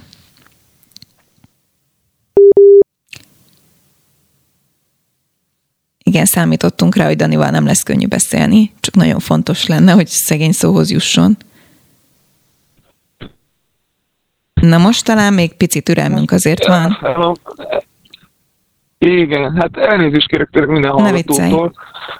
Abszolút nem, nem gondoltam volna erre. Alapvetően, alapvetően nyugalom van. Itt a legnagyobb probléma az, hogy az embereknek igazából most nincs tennivalójuk. Tehát, hogy elvesztették a munkájukat, kilátásaikat, stb. Nagyon sokan humanitárius segélyeken élnek, vagy éppen a tartalékaikat élik fel ebben a pillanatban. Tehát igazából egy, hogy mondjam, nem derűs a helyzet, hiszen hiszen eh, itt, itt százezreket kell megsegíteni valahogyan, és minél tovább húzódik ez a háború, eh, annál több ember fog segítségre szorulni. A, maga a háború, maga az aktív harcok azok most keletre koncentrálódnak, ott, ha minap beszéltem egy magyar nemzetiségű katonával, aki két ágyú tűz között tudott velem telefonkapcsolatba lépni. Hát azt mondják, hogy, hogy, hogy fokozódik a helyzet. Igazából nincsen meg az ukrán hadseregnek az a, az ütőképessége, amelyel ellentámadásba tudna lendülni. Tartják magukat. A elkövetkező két hétben azonban arra számít mindenki, hogy, hogy az oroszok mindent bevetnek, hiszen jön a május 9-e, az oroszországi győzelemnapi parádé, és Putyinnak muszáj lesz valamit felmutatnia, hogy ha, oké, okay, akkor most felszabadítottuk a, az embereket. A Ki, Kiev környéki mi van, Dani? Ott nyugalom van szintén? Hát nyugalomban most helyreállítási munkák vannak, tehát itt leg, leginkább most a, a, mondom, a segélyekre koncentrálnak, hogy takarítják el a, a háború nyomait, a városban, de hát rengeteg ház és épület fog, fog romokban állni, úgy maradni, ahogy hagyták a, a harcok, mert ugye nincs pénz erre, tehát ugye az első sorban most ugye a romokat próbálják takarítani. Most az előbb magánházakra gondoltam, tehát akinek mhm. nincsen arra most fedezete, hogy rendbe hozza az életét, az, az nem is fogja egy jó ideig, tehát én arra számítok, hogy még hosszú ideig nem csak Kiev és környéke, de egész Ukrajna egy szomorú látványt fog nyújtani, mármint ott, ahol, ahol súlyos harcok voltak. Ellátási gondok vannak, egy gyógyszerhiány, élelmiszerhiány. Benzin, benzin, üzemanyag, üzemanyag hiány keletkezik, azzal van ellátási probléma. Alapvetően mindig, mindig mindenhol hiány van, de ugye nem csak a szomszédos országok segítenek, hanem rengeteg NGO segélyszervezet, önkéntes hálózat alakult az országban, tehát helyiek is ismerősi szálakon keresztül próbálnak beszerezni valamit. Mondok egy példát, az én barátomnak van egy ismerőse Csehországban, leadja a, a listát, hogy milyen gyógyszerek kellenek X faluba, meg hogy inzulin kell, azt elküldik, és utána leszállítja. Tehát, hogy mondjam, magán uh-huh. magánsegélyezés is történik igazából, aztán, aztán igazából most forja ki magát az egész, hogy az hogy, hogy fog kinézni hosszú távon. Kis Dániel, az Index újságírója a Bucsából. Nagyon szépen köszönöm, hogy a rendelkezésünkre álltál. Vigyázz magadra. Örömmel. Köszönjük. Köszönöm. Spirit FM 92.9 A nagyváros hangja és már is megyünk tovább, kapcsolunk Kárpátaljára Darcsi Karolinához, a Kárpátaljai Magyar Kulturális Szövetség politikai kommunikációs titkárához. Köszöntöm! Jó reggelt kívánok! És hallotta Kis Daniel bejelentkezését, ugye odébb, ő most Bucsán van. Önöknél mi a helyzet Kárpátalján? Kárpátalján továbbra is béke van, továbbra is a legstabilabb, illetve a legbékésebb régiónak számítunk a háborús országban. Folyamatosan érkeznek a menekültek, körülbelül a regisztrált menekülteknek a száma már megközelíti a félmilliót a megyében. Ezek közül jó néhányan magánszálláson helyezkedtek el, de már nagyon sokan vannak, akik a önkormányzatok által vették igénybe ezeket a szállás lehetőségeket. Összesen 346 ilyen szállás, idéglenes helyet alakítottak ki az ideérkező menekülteknek. Van egy ilyen százezer körüli létszámú, aki visszament, elsősorban Kijev és környékére, de folyamatosan érkeznek most elsősorban a keleti megyéből, és ezek már nehezebb gazdasági helyzetből, vagy nehezebb sorsú emberek elsősorban vonattal érkeznek, és úgy néz ki, hogy hosszú távra fognak itt berendezkedni. E, problémát jelent Kárpátalján most már az, e, hisz látjuk azt, hogy ez egy e, viszonylag hosszú távú humanitárius válság is ki fog ezzel kapcsolatban alakulni országos szinten, hisz a termelés nagyon sok helyen leállt, és meg fog jelenni elő vagy utóbb, tehát a gyógyszerhiány, az élelmiszerhiány, ezt jelenleg még tudják pótolni, illetve a megyébe is tudjuk pótolni, elsősorban a humanitárius segélyek által, amelyek ide érkeznek, de ezeknek a segélyeknek jelentős része azt tudni kell, hogy a központi ö, ö, igazgatás, katonai közigazgatás tovább irányítja elsősorban azokba a megyékbe, illetve azokra a területekre, városokba, ahol erre leginkább szükségem van, vagy még inkább szükség van. Jelenleg elsősorban a iskolákban, illetve az óvodákban szállásolták el az ideérkezőket, akiknek gyakorlatilag az otthonuk oda veszettük vélhetően maradni fognak még jó néhány hónapot, az is elképzelhető, hogy több mint egy fél évet. Így az egyik legfontosabb feladat most az lenne, hogy ezeknek az embereknek itt Kárpátalján megfelelő körülményeket, illetve megfelelő szálláshelyet kellene biztosítani, hisz egy iskolának a kollégiumába vagy tornatermébe több másik emberrel együtt lakni, ez ugye hosszú távon nem a legkényelmesebb, illetve nem megfelelő, nem beszélve arról, hogy ezekben az oktatási intézményekben jelenleg kizárólag online formában zajlik az oktatás, tehát vissza kellene térni e, a kontaktoktatáshoz, a gyerekek, hogy tudjanak e, visszatérni az óvodákba, az iskolákba, ehhez viszont fel kellene majd szabadítani. Tehát most azokat az önkormányzati e, szálláshelyeket, illetve intézményeket kellene megtalálni, ahová ezeket a személyeket, családokat normális körülmények közé el lehetne helyezni. Mi várható a következő napokban, mire számítanak Kárpátalján? A válság sajnos továbbra is fokozódik, az elmúlt két napban szerencsére nem volt légiriadó, itt Kárpátalján sem, és azt láthatjuk, hogy ugye a harcok is áttevődtek inkább keletebbre. Donbassban viszont megkezdődött a csata, tehát most ott egy ilyen erőteljesebb harci cselekményekre számít szinte mindenki. Nyilvánvalóan azt várjuk, hogy végre béke legyen, illetve véget érjen ez az őrület. Bízunk benne, hogy nem fog súlyosbodni, legalábbis itt a vidéken a helyzet, és az országban is csillapodnak majd ezek a legyen így. Helyzet. Darcsi Karolina Kárpátaljáról nagyon szépen köszönjük. Én is köszönöm. Viszont hallásra. Spirit FM 92.9 A nagyváros hangja több napos szünet után sikerült megállapodni egy humanitárius folyosó megnyitásáról Mariupolnál, így újabb civileket menthetnek ki a városból. Úgy tudni, az orosz hadsereg Ukrajna keleti részére koncentrál és újra szervezte magát. Hogy ennek milyen jelentősége van, arról Vigócki Máté Györgyöt, az MCC geopolitikai műhelyének Oroszország kutatóját kérdezzük. Jó reggelt kívánok! Jó reggelt kívánok! És az iménti percekben kapcsoltunk Bucsára, és Kárpátaljára is, és minden tudósító azt mondja, hogy igazából ugye keletre összpontosít most Oroszország. Én azt olvastam egy reggeli hírben, hogy a csöcsenek vezetője azt mondta, hogy ma biztos, hogy most már elesik a kikötőváros, ugye Mariupol. Ön hogy látja, mi történik most éppen a háborúban? Hát elindult a héten a háború második szakasza, amelynek a stratégiai célja a kelet-ukrajna elfoglalása, legalábbis az orosz fél ezt állítja. Hivatalosan hétfőn jelentette be Zelenszky, hogy valóban megindultak a támadások, kedden aztán az, az orosz fél is. Azért azt látni kell, hogy Mariupol elestét szerintem két hete úgy, úgy magyarázzák, hogy pár órája vagy pár napja van hátra csak a, a városnak, ehhez képest még mindig tartják magukat ott az ukrán erők és Mariupolnak túlságosan fontos a szerepe ebben a kelet-ukrajnai offenzívában ahhoz, hogy, hogy, hogy az oroszok folytatni tudják a harcműveleteket, tehát először Mariupolt kell bevenniük, és utána tudják majd körbezárni a kelet lévő egyébként nagyszámú és nagy harcértékű ukrán erőket. De amint látjuk, sokkal nagyobb a mariupoli ellenállás, mint amire az oroszok számítottak és az egyébként előrevetíti azt is, hogy véletlenül egész Kelet-Ukrajnában sokkal nagyobb ukrán ellenállásra kell számolni, ahol már édes 8 éve védekezésre készülnek fel az ukrán erők. Közben friss hír, hogy Putyin nukleáris képességű rakétákat tesztel, ugye ezzel riogat minket most már egy ideje. A tévében mutattak be egy jelenetet az oroszok, egy picit hatásvadásznak gondolnám én, illetve propaganda célunak, ahogy Putyinnal éppen közli a katonaság, hogy megkezdték a Szermat nevű rakéták első tesztfellövéseit. Kell rettegnünk?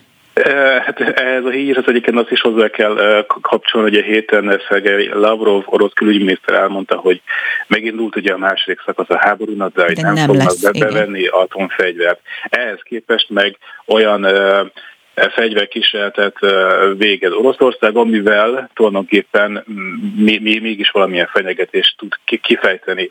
Hát ez hát, Bocsánat, de csak egy fél mondat, hogy a háború előtt azt is mondták, amikor éppen hadgyakorlatoztak, ugye ott Belarusban, hogy hát ők csak hadgyakorlatoznak, és nem lesz itt háború. Persze, én úgy tudom, hogy másfél héttel a háború előttig még, még ezt mondták. Szóval de ettől függetlenül nem hiszem, hogy ennek olyan, tehát a háborúra nagy hatással lévő hatással lenne, mert Oroszország azt fejezte ki ezzel, hogy tud olyan fegyvert, vagy fegyverrendszert fejleszteni, amihez nem kellene külföldi beszállítók. Nagyon sok orosz fegyverrendszert most azért nem tudnak gyártani, mert a szankciók miatt nem jut vagy nyersanyaghoz, vagy technológiához, vagy alkatrészekhez. Ez viszont olyan, amit az oroszok önmaguk is meg tudnak csinálni, de hát feltételezem, hogy ebből egy-két ilyen prototípus-szerű rakétájuk van még. Ön hogy látja, reális az, hogyha most itt a keleti részt elfoglalják, akkor vége lesz a háborúnak, és tényleg május 9-ig majd kikiáltja Putyin, hogy nyert? Uh, nehéz válaszolni, mert egyrészt a május 9 azért ez eléggé közel van, és hétfő óta több támadás is indult már Kelet-Ukrajnában, de ezek leginkább sikertelenek voltak az oroszok részéről. Itt most vagy az van, hogy az ukránok tényleg sokkal nagyobb ellenállást fejtenek ki, és nagyon-nagyon lassú ö, haladásra számíthatnak az oroszok, vagy az van, hogy ö, az orosz hadsereg most szépen lassan halad, folyamatosan méri fel, hogy az ukrán védelem hol a leggyengébb, uh-huh. és ö, um, nem akar elkövetni az orosz hadsereg hibát. Ehhez viszont az kell, hogy lassan haladjanak, és ne rohanjanak, mint a háború elején. Nem tudom, hogy ezzel a sebességgel május 9-ig pontosan miket fognak elérni, de egyelőre azt látni, hogy sokkal óvatosabban és megfontoltabban halad az orosz hadsereg. Mindeközben azért ugye komoly gazdasági szankciók vannak Oroszországgal szemben, sőt egyre több hát kvázi cég is bejelenti, ezt nem csak ugye az uniós államok. Meddig bírhatja Oroszország? Hogy látja, a gazdasági összeomlás felé halad valóban? Azért a gazdasági összeomlás az, az szerintem túlzó kifejezés. Hogyha most véget érne a háború, akkor olyan 11-2 százalékkal csökkenne Oroszország GDP-je e, ezen az éven. Rövid távon nem állítja meg a, a katonai műveleteket akár mekkora is legyen a, gazdasági visszaesés, ezért egy 11-2 százalék egy ilyen háborút nem, biztosan nem fog megállítani. Túlságosan nagy lenne a politikai veszteség, hogyha most Oroszország feladná a háborút. Hosszú távon viszont, viszont súlyos recesszióba is kerülhet Oroszország, és itt főleg arra kell gondolni, hogy az elvándorlás megnövekedett, technológiai szankciók érik Oroszországot, tehát hosszú távon az orosz gazdaságnak a helyzete az egyre kiszolgáltatottabb lesz a saját nyersanyagai exportjának. Közben Zelenszky bírálja az EU-t, hogy lassan érkeznek meg a fegyverek, meg a segítség. Ha több modern fegyverük lenne, akkor sokkal jobban tudnának védekezni. Ezt hogy látja? A háború elején a nyugati országok is úgy álltak hozzá, hogy hogyha tehát ezt a háborút Oroszország fogja megnyerni, és bocsánat, hogy így fogalmazok, felesleges fegyvereket szállítani, mert azokat úgy is vagy megsemmisítik, vagy, elfoly, vagy meg fogják szerezni az oroszok. A háború elején... Ez biztos, lá... hogy az oroszok ezt megnyerik, így vagy úgy?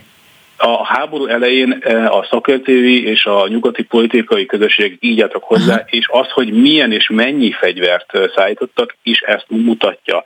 Amikor látszott az, hogy az ukrán védekezés az meglepően jó, akkor indultak meg azok a jobb védekező fegyverek, amiket a háború előtt egyébként nyugati országok nem akartak szállítani. Ez nagyon sokat segített az ukrán védőknek, és most az elmúlt bő egy, egy hétben egy kicsit, mint hogyha megváltozott volna a nyugati országoknak a hozzáállása, mert már bizonyos támadó fegyverrendszereket is hajlandóak az, a nyugati országok szállítani. Tehát itt nem csak arra számítanak bizonyos mértékig a nyugati döntéshozók, hogy az ukrán védekezés jó, hanem talán még az ukrán hadseregnek arra is megvan a képessége, hogy felszabadítson olyan területeket, amelyeket február 24-e óta szálltak meg az oroszok. Nagyon röviden a szavaiból az derül ki számomra, hogy minthogyha az Unió vagy a más országok úgy álltak volna hozzá, hogy át, ezt úgyis el fogják veszíteni az ukránok, és most mikor látjuk azt, hogy micsoda ellenállás van, akkor ó, akkor gyorsan segítsünk és küldjünk oda, amit csak lehet. Hát egyszerűen kifejezve én nagyjából így látom a dolgot, valószínűleg, hogyha egy Európai Uniós politikusnak mondanám ezt, akkor tiltakozna, de hát én, én szakértőként leegyszerűsítve, én megfogalmazva így látom. Vigócki Máté György, Oroszország szakértő. Nagyon szépen köszönöm, hogy a rendelkezésünkre állt. Is köszönöm. Szép napot. Viszontlátásra. Spirit FM 92.9 A nagyváros hangja Tavaly 5,2%-kal emelkedtek a fogyasztói árak Magyarországon. Ez a leggyorsabb ütemű drágulás, amit 2021-ben mértek a statisztikai hivatalok Európában. Olvasható a KSA inflációs jelentésében, melyet a népszava szemlézett. Az európainál magasabb magyar infláció okairól német Dávid vezető közgazdász kérdezzük. Jó reggelt kívánok! Jó reggelt kívánok! No, um, Valóban nálunk sokkal inkább el van szállva ez az úgynevezett infláció, amiről egyébként a szakértők azt is mondják, hogy hát igazából az elvárthoz képest, ami mondjuk 9% volt a márciusi 8,5, egy csodálatos adat. Hát az elvárt az inkább így ilyen várakozások voltak, hogy nagyon gyorsult az infláció, és de rendre a, a tényadatok meghaladták a várakozásokat, és gyakorlatilag talán ez volt az első olyan hónap hosszú idő óta, hogy, hogy picit elmaradt a gyorsulásnak az üteme attól, ami a, a várakozás volt. De itt ugye egyrésztről a tavalyi évben volt az az 5,2%-os infláció, akkor, akkor valóban Magyarországon hamarabb indult be az áraknak a növekedése. A mostani időszakban már nem lehet azt mondani, hogy Magyarországon a legmagasabb az infláció, mert közben máshol is nagyon elkezdett begyorsulni, és nálunk azért elég sok olyan ár stop van, vagy rögzített ár, itt ugye az energiahordozókra kell elsősorban gondolni, amit a lakosság körében továbbra is ugyanazon az áron kapjuk, vagy az üzemanyag árstop, amik itthon nagyon fékezik az inflációt, legalábbis a hivatalos számot, még Nyugat-Európában sokkal kisebb mértékű ezeken a területeken a beavatkozás, és azért az sokkal ütemesebben gyorsul az infláció, mint nálunk. De azért összességében azt lehet látni, hogy, hogy ami tavaly elindította a Magyarország inflációnak a fölpörgését, az belső okokra volt visszavezethető például ugye az erős belső kereslet, a folyamatosan növekvő bérek és költségek, amik elkezdték fölhajtani, és utána jöttek be ősztől azok a plusz adalékok, hogy az energiaára felrobbant a világpiacon, és hát minden, tényleg minden terméknek, az élelmiszer, alapanyagoknak is az ára is most már robban, és ezek azok, amik most még hajtják fölfelé a fogyasztói árindexet. Meddig? Mi várható a következő hónapokban? Hát nagyon nehéz megmondani. Egyrészt ugye nálunk azt is kéne tudni, hogy a kormánynak, aki, ami még nem állt föl, mi a szándéka ezekkel az árstoppokkal. Amit látunk az az, hogy nagyon sokba kerül a lakosság felé fenntartott elektromos áram, illetve gázár stopp az, az sok százmilliárd, tehát inkább ezer milliárdos nagyságrendű költségvetési tételt jelent, egy olyan időszakban, amikor amúgy is a költségvetést ki kéne igazítani a kormányzatnak, hiszen a választások előtt azért elég bőkezően adott a háztartásoknak, nyugdíjasoknak, beruházásokra, stb. pénz. Úgyhogy egy olyan időszakban, amikor költségvetési kigazítás kell, akkor azt gondolom, hogy ezek a rögzített árak, ezek ilyen formában nem tarthatóak fönt. Úgyhogy én egy fokozatos átengedésre számítok a piaci árak szempontjából a lakossági felé. Úgyhogy egyelőre úgy tűnik, hogy a július-augusztus magassága lehet talán az, amikor tetőzni fog majd az infláció. Az, hogy ez most 10% vagy 11-12% lesz, ezt most még nehéz megmondani, mert annyira volatilis a, a globális piac is, energiahordozók esetében is, a búza, a kukorica, tehát minden termény esetén is, majd meglátjuk, hogy milyenek lesznek a termések de az biztos, hogy még, még fölfelé látunk nyomást az inflációs folyamatokban. Német Dávid, a KNH Bank vezető közgazdásza, nagyon szépen köszönöm, hogy a rendelkezésünkre állt. Köszönöm szépen, szép napot kívánok! Szép napot! Spirit FM 92.9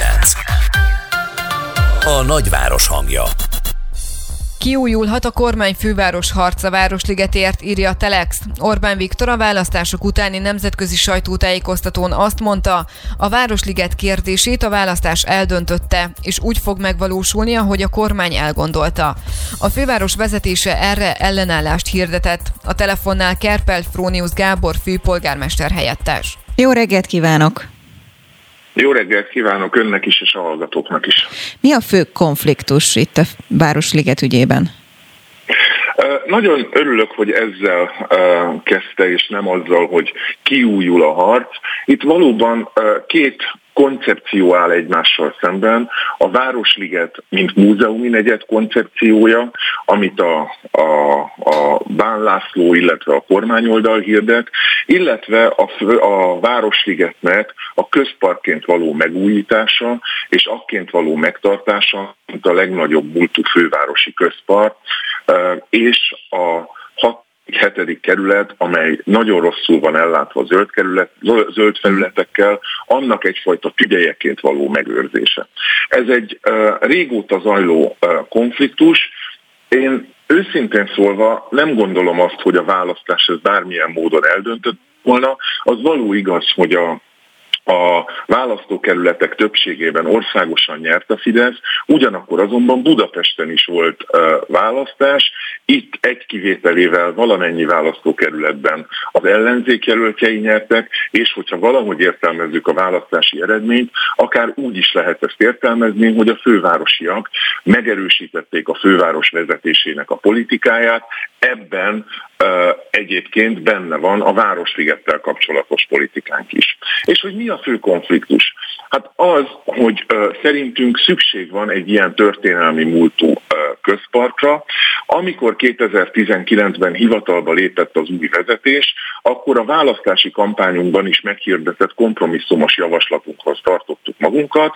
Ugye a kormány elképzeléseiben, Bán László elképzeléseiben az szerepelt, hogy megépül a Néprajzi Múzeum, a Magyar Zeneháza, a Magyar Nemzeti Galéria új épülete, a Jövőháza, illetve a Városligetben a Gyermekszínház.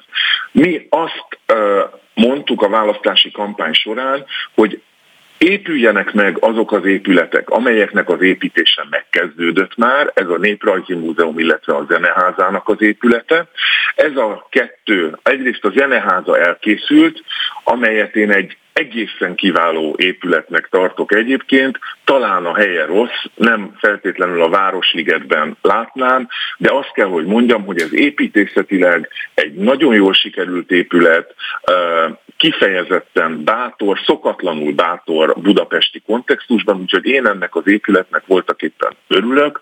A Néprajzi Múzeum, ahogy látom készülőben, egy hatalmas, eléggé depressziós benyomást keltő, nyomasztó tömeg ott a Városliget szélén, és hogyha ezt a kettőt így egymásra nézzük, akkor már látjuk, hogyha a Dózsa György út felől áttekintünk ez a Néprajzi Múzeumnak ezen a skateboard rámpa jellegű épületén, látjuk, hogy mennyire rá van zsúfolva a zeneháza, és mi azt gondoljuk, hogy egy hogyha megjelenne ott egy sokkal nagyobb tömegű épület, ami a Magyar Nemzeti Galéria, akkor az már teljesen nagyon nyomná a Városligetet. Egyébként itt nem a fejlesztők, illetve a, a, az ósdi maradisághoz ragaszkodók konfliktusa áll egymással szemben. Mi is, meg én is múzeumlátogató ember vagyok, valóban látni lehet, hogy a Magyar Nemzeti Galéria jelenlegi épülete nem felel meg egy ilyen presztízsű épület korszerű követelményeinek, tehát mi is azon az állásponton vagyunk, hogy szükség van a Magyar Nemzeti Galériának egy új korszerű épületére.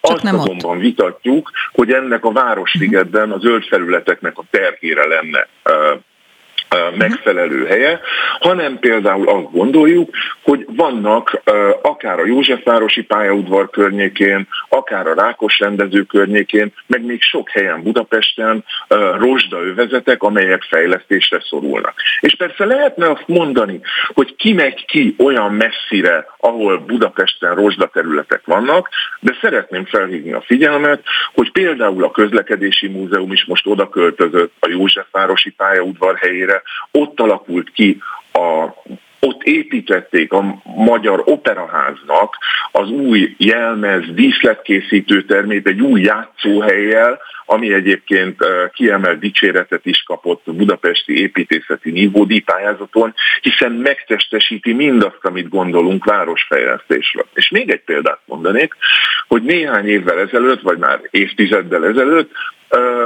voltak olyan vélemények, hogy senki nem fog kivenni a nemzeti uh, színházba, vagy akár a műpába, mert hiszen olyan távol van, ott a, a Rákóczi Pesti hídfőjénél, hát ehhez képest, amikor ott jó műsorok vannak, jó vezetés van, akkor a Nemzeti, a Nemzeti Színház is teltházakkal működik, és hát a műpa pedig rendszeresen a színvonalas programjai révén folyamatosan teltházzal működik. Tehát én azt gondolom, hogy egy ilyen, egy ilyen érv azért nem feltétlenül állja meg a helyét. A Városliget igazából most így egy pontja szerintem annak a konfliktusnak, ami a kormány és a főváros között van. Talán amit még ennél is sokkal fontosabb, vagy az önök számára sürgetőbb, az az anyagi konfliktus, ami ugye már hosszan húzódik a kormány és a főváros között. Annó ugye azt mondta a főváros vezetése, hogy kivérezteti igazából a kormányzat a fővárost, és most hát nem volt kormányváltás, tehát marad vélhetően ez a konfliktus, ez a helyzet. Ön mire számít? Egyen, egyre többen nyilatkoznak meg. Horváth Csaba például a zuglói polgármester az ATV Star című műsorában ma azt nyilatkozta, hogy hogy hát iszonyatosan nagy baj van Budapesten, közvetlenül 30 milliárdos hiány, közben egy fél órája jelent meg egyébként a világgazdaság oldalán egy cikk, ami azt taglalja, hogy lyuk hátá lyuk van a BKV költségvetésében, itt is iszonyatos hiányról beszélnek. Milyen állapotban van a főváros? A főváros költségvetése nagyon rossz állapotban van, tehát amikor mi a költségvetésünket terveztük, akkor például beterveztünk egy 20,5 milliárd forintos HIPA kompenzációt. Ugye itt a vállalkozók megsegítése érdekében a főváros a kis és középvállalkozások helyi iparűzési adóját 50%-kal mérsékelte. Ez egy-egy vállalkozás életében viszonylag keveset jelent, ugyanakkor az önkormányzatok bevételének jelentős részét teszi ki a HIPA, a, a HIPA. Tehát ez a fővárosnak a költségvetésén elég nagy lyukat ütött. Van nagyon jelentős problémánk, ahogy idézte Horváth Csabák a működési költségeinkkel, és még valamit szeretnék mondani, hogy ez most már nem, nem egy-két éve, hanem több mint egy évtizede, talán az utolsó Demszki évektől elkezdve, és végig a tarlós időszakban a főváros, a fővárosi cégek alapvető amortizációs költségeket megspóroltak a költségvetésből, tehát egy csomó olyan a felújítás, például a felüljárók felújítása, például a buszparknak a felújítása, de a a fák gondozása a parkokban, stb. stb. Ezek mind elmaradtak, és ez kumulálódik oda, hogy nem csak a fővárosnak a költségvetése van rossz állapotban, hanem a fővárosnak az infrastruktúrája. És ez valóban egy nagyon komoly uh, konfliktus, Szerintem a kormánynak felelőssége az, hogy minden magyarnak a kormánya legyen, és biztosítsa azokat a dolgokat, amik törvény szerint járnak az önkormányzatoknak. Amikor mi a, a, még a választások előtt arról beszéltünk, hogy milyen módon változtatnánk meg az önkormányzatiságot, arról beszéltünk egyrészt, hogy helyre kell állítani mindazokat a jogköröket, amiket elvontak az utóbbi időben az önkormányzatokról, önkormányzatoktól egy túlzó centralizáció jegyében, Ugyanakkor valamilyen módon, tehát akár a HIPA kiterjesztése révén, de akár alternatív megoldásként visszatérve a régi megoldáshoz, amikor a személyi jövedelemadónak bizonyos hányada maradt az önkormányzatoknál, meg kell teremteni az önkormányzatoknak a, a, a a, a költségvetési függetlenségét is, hogy maguk dönthessenek arról, hogy mik azok a dolgok, amik az ő életükben fontosak. Tehát ez egy alapvető filozófiai kérdés, hogy mit gondolunk arról, hogy mik azok az ügyek, amiket helyben kell egy-egy önkormányzatnak eldöntenie. Innen folytatjuk legközelebb. Kerpe Fronius Gábor. Nagyon szépen köszönöm, hogy a rendelkezésünkre állt. Szép napot! Köszönöm szépen, viszontlátásra! Spirit FM 92.9 a nagyváros hangja. Az Ötvös József Gimnázium és a Fazekas Mihály gyakorló általános iskola és gimnázium. Holt versenyben ez a két budapesti középiskola vezeti a HVG 2022-es gimnáziumi rangsorát. A harmadik helyet az ELTE Radnóti Miklós gyakorló általános iskola és gyakorló gimnázium szerezte meg. Melyik a legjobb állami, egyházi vagy alapítványi középiskola, 6 vagy 8 osztályos gimnázium? Erről is beszélgetünk Szabó Fruzsinával, az edulány.hu vezető szerkesztőjével. Jó reggelt kívánok! Jó reggelt kívánok! Kezdjük onnan, hogy volt bármilyen változás egyébként, vagy általában ezek az iskolák vetésforgóban benne vannak a legjobbak között? Igen, olyan nagyon nagy változás nem történt az idei rangsorban. Nagyjából borítékolható évről évre, hogy ezek a nagyon kiváló gimnáziumok vezetik a rangsort, állnak a lista élén. Természetesen kisebb-nagyobb elmozdulások minden évben vannak, hiszen ez a rangsor olyan aktuális mutatók alapján készül, mint például a diákok kompetencia mérésének eredménye, vagy éppen az aktuális érettségi eredmény. Tehát a 2022-es listának az alakulásába bőven az is, hogy mondjuk tavaly májusban milyen eredményeket értek el az adott gimnáziumban tanuló végzősök. Hogyan látod azt, hogy ilyenkor mekkora teher van a diákokon? Bevallom, nekem nagyon sok barátnőmnek pont most felvételizett a gyermeke, és én azt tapasztaltam, hogy az egy dolog, hogy a szülők gyakorlatilag megroppannak egy ilyen felvételi eljárás előtt alatt, de a gyerekek is. És bizony van olyan köztük, akinek nem jól sikerült a felvételie, és azt érzik, hogy egy életre el van rontva minden. Abszolút alá tudom támasztani a tapasztalatodat. Én is azt látom, hogy, hogy nagyon stresszes időszak ez, és igen, nem csak a gyerekeknek, de a szülőknek is, sőt, megkockáztatom, hogy még a nyolcadikosok osztályfőnökének is, tehát a, a végzősok osztályfőnökeinek is. Az, az, az mindenképpen igaz, hogy valaki de minden diák be fog jutni valahova, ez nem kérdés. Akinek első körben nem sikerült, ugye a napokban kapják meg a felvételi hivatalos eredményét a diákok, azok próbálkozhatnak a rendkívüli felvételin, ez majd május elején indul, ekkor a megmaradt férőhelyeket hirdetik meg az iskolák. Több olyan iskola is hirdet férőhelyeket, amely egyébként a legjobbak közé tartozik, csak egy-egy osztályban maradt pár hely, amire ilyenkor még pályázni lehet. Tehát, hogy egyáltalán nincs minden veszély, én, én tényleg mindenkit arra bátorítok, hogy, hogy, hogy ezt, ne, ezt, ezt a felvételt ezt ne úgy fogja fel, hogy ezen múlik a jövője, mert hogy egy, egyébként egy, egy kevésbé erős, viszont nagyon jó hangulatú gimnáziumban, vagy, vagy technikumban, vagy akár szakképzőiskolában is nagyon jól kibontakozhat az a diák, aki ott megtalálja a közegét. Vannak is egyébként olyan diákok, olyan gyerekek, akiknek a személyiségéhez egész egyszerűen ezek a vezető gimnáziumok nem illenek akik nem szeretik a versenyt, akik inkább a saját tempójukban tudnak fejlődni jól, nekik, nekik érdemes inkább az iskola hangulata alapján választani iskolát. De a gyerekek és a tanár, a gyerekek szülei és a tanárok azért 8 év általános iskola után én azt gondolom, hogy eléggé jól ismerik a gyerekeket ahhoz, hogy, hogy egy ilyen döntést meghozzanak. Innen bárhova is kerül a gyerek, egyébként ugyanolyan esélyekkel, vagy, vagy tud hát az álmait megvalósítani, hogyha mondjuk felsőoktatásról beszélünk?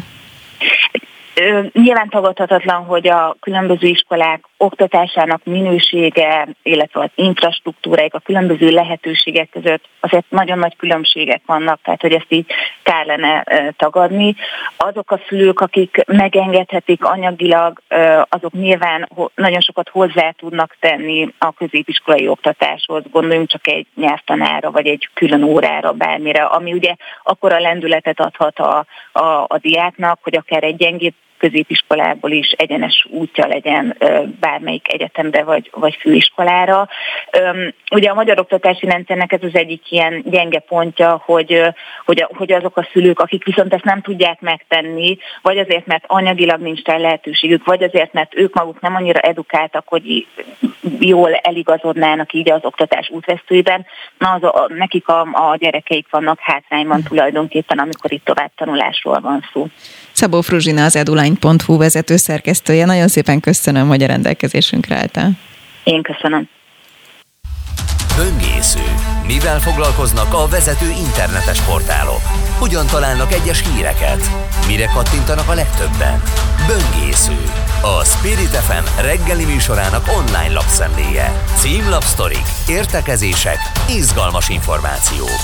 Böngésző. A szerkesztő Tóró Nikolettel köszöntelek téged itt is. Jó reggelt mindenkinek, üdvözlök minden hallgatót. Hoztam különböző híreket, röviden először a HVG cikkéről beszélnék. Azt mondja, hogy a elkészítette első éves jelentését az Európai Ügyészség, ami tulajdonképpen csak egy fél éves beszámoló, hiszen a testület júniusban kezdte meg a működését. Azonban érdekes adalékokat tettek már közzé, ami a magánszemélyektől vagy a szervezetektől számoló, származó bejelentéseket illeti, az ügyészségi munkában részt nem vevő államok közül magasan Magyarország áll az első helyen, tehát 28 bejelentés érkezett magánszemélyektől. Azt írja, hogy az Európai Ügyészség egyébként 22 tagállamot vizsgál. A nyomozó hatóság azokat az ügyeket vizsgálja egyébként, ahol az uniós költségvetést érintő csalás, korrupció, pénzmosás vagy határon átívelő áfacsalás valósult meg. Egyébként Magyarország ugye nem vesz részt az Európai Ügyészség munkájában. Igen. Szóval például az a, a, a határon átnyúló ügyek közül 17 érinti egyébként Magyarországot, tehát így is belekerül Magyarország, ha akarja, ha nem. A legmagasabb szám egyébként a lengyeléké, ez 23, míg a másik három ország összesen 8 esetben került elő. Egyébként néhány, csak egy rövid érdekes info még ezzel kapcsolatban, hogy 5,5 milliárd eurót foglalt le az ügyészség, és Kövesi Kodruca Laura, ő a román ügyész, aki vezeti az Európai Ügyészséget, ő azt mondja, hogy ez a lefoglalt összeg még mindig háromszorosa az ügyészség éves költségvetésének. Szóval ezt érdemes elolvasni a HVG oldalán, de már megyünk is tovább egy következő hírrel. Igen, mert hogy közben ugye valószínűleg az egész mai napot tematizálni fogja majd az, hogy tegnap este jelent meg a hír, hogy őrizetbe vettek a pénzügyminisztériumban hivatali vesztegetés büntette miatt embereket, és itt van velünk Komlódi Gábor, akit neked sikerült elérni ügyvéd. Jó reggelt kívánok! Jó reggelt kívánok! No, mi történik a pénzügyminisztériumban? Hát, hát néhányan ezek szerint a gyanú, néhányakra ezek szerint a gyanú árnyéka vetődött, ha jól értem. Ha amennyi ez a szükszalvú hírből látszik, ugye valaki, vagy valakik egészen pontosan a hivatali működésükkel összefüggésben jogtalan előnyt fogadtak el, és hát ugye ez egy korrupciós bűncselekmény, és egy eléggé súlyos bűncselekmény, és ugye eznek fejében őket őrizetbe vették, amennyire a hírt tudtam eddig mhm. elolvasni, vagy amennyi megjelent róla. Ugye ez az első lépés, az őrizetbevétel, ez ugye 72 óráig tart, aztán majd eldönti a nyomozóhatóság. Általában az ilyen típusú bűncselekményeknél valamilyen kényszerintézkedésre lesz majd az ügyészségnek, mert ez nem a rendőrségnek a dolga, az ügyészségnek lesz majd indítványa, akár még előzetes letartóztatás is lehet belőle, azért ilyeneknél elő szokott fordulni. Ugye nyilván ugye egy nagyon rövid hír van, de azért ügyvédként uh-huh. kérdezem önt, hogy, hogy egyáltalán mit jelent a vesztegetés elfogadása büntette, mert a más bűncselekményekről most nem tudunk tippelni, de ez, ez mit jelent? Hát azért más bűncselekmények is lehetnek egyébként, tehát azok ott lehetnek mondjuk okilati bűncselekmények, tehát lehet, hogy valaki esetleg okirattal variált ahhoz, hogy egyébként azt a, bocsánat, azt a bűncselekményt meg tudja valósítani, tehát okiratot hamisított például lehet ilyen járulékos bűncselekmény, vagy akár lehet ilyen korrupciós bűncselekmény feljelentésének elmulasztása, mert ugye a jogalkotó azt tényleg nagyon szigorúan veszi, az alapesete is egyébként egytől öt évig terjedő szabadságvesztéssel büntetendő. Tehát például azt mondja a, a, a jogalkotó, az van a BTK, hogyha én tudom azt, hogy a kollégám az ő hivatali kötelességét valamilyen jogtalan előnyigéretét megszegte, és nem jelentem föl. Tehát nem én kaptam a pénzt, és én nem is csináltam semmit, önmagában már ez is De Úgyhogy vagy akár olyan is előfordulhat, hogy egy, ha már ebben a körben tapogatózunk, hogy mondjuk egy befolyásoló üzérkedés is előfordulhat, szóval nem tudom, de minden esetre ez egy nagyon súlyos bűncselekmény, egészen egyébként tíz évig terjedő szabadságvesztésig is el tud menni, hogyha bűnszövetségben követik el, vagy szóval azért, és megszegi a, tehát nem kell, hogy megszegi, elég, hogyha megígéri, hogy megszegi és megkapja a pénzt, már ez már, vagy nem feltétlenül pénzt. Ugye itt kell említenem, azt biztosan sokan emlékeznek a rádióhallgatók közül is arra az esetre, azóta már ügyvéd kollega lett az a rendőrnyomozó, aki eh, valamilyen talán török eh, vagy más, nem emlékszem pontosan, de lényeg az, hogy ilyen édeségeket fogadott el, és már abból is egyébként büntetőeljárás lett. Mert ő magában nem, nem, nincs, nem az szerint minősül a bűncselekmény, mint, mint mondjuk egy lopásnál vagy egy csalásnál, hogy mekkora értékre követik el, mert itt ugye a védett jogi tárgy az ugye az a fajta közbizalom, ami a hivatalos személyekkel szemben a társadalom felül létezik, hogy ők ugye az ő dolgukat, a mi érdekeink védelmében úgy látják el, hogy az befolyásolástól mentesen történhessen meg. Tehát ez az a védett jogtárgy. Emiatt nem mi, mi teljesen mindegy, hogy ez egy millió forint volt, vagy, vagy, vagy egy nyaralás, vagy egy, vagy egy uh-huh. nem tudom, egy kemping bicikli. A lényeg az, hogy, hogy megszegi a, a, a kötelességét, vagy azért kérje el. Ilyenkor egyébként előbb-utóbb nyilvánosságra kerül, hogy, hogy kikről van szó? Nem feltétlenül. Uh-huh. Ugye a, a, az elkövető, ha én jól értem, akkor nem, nem közszereplő, hanem hivatalos személy. Ugye nem feltétlenül, hogy ez két külön halmaz tud lenni, ez a nem minden bogárból, meg bogároval, meg Ez azt jelenti, hogy nem vezetőbeosztású mondjuk?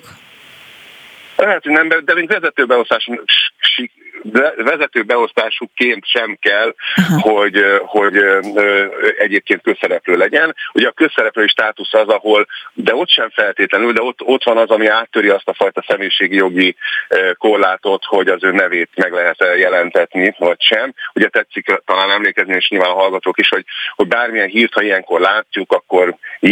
István, vagy P. G elkövető vagy gyanúsított. Nekik is vannak személyiségi jogaik, különös tekintettel arra, hogy ugye ez még csak egy gyanú, és azért egy jogállamban az ártatlanság vélelme miatt, ugye, amely megdönthető egy eljárás során, ugye még egyelőre csak gyanú van velük szembe. Egyébként ezért gyanítom, ha már gyanúról beszélünk, ezért gyanítom, hogy elképzelhető lesz kényszerintézkedés, pontosan azért, hogy a, a gyanú minél inkább megalapozott legyen, ergo, hogy az esetlegesen még a bizonyítás során felelhető e, tanúvallomások, vagy egyéb okirati bizonyítékoknak az eltüntetéséről ne lehessen szó. Tehát én ezt, hát nem mondom, hogy borítékolom, de de valószínűsítem. No, lehet, hogy az én asszociációs képességem túl, hát nem tudom, aktív vagy fantáziadús, de nyilván látok azért párhuzamot a Völner úgy kapcsán. Nem tudom, hogy ön lát-e ilyet, és hogyha igen vagy nem, a pénzügyminiszternek egyébként ilyenkor kell elszámolnia, felelnie, beszámolnia, tájékoztatják hát őt a... nyilván.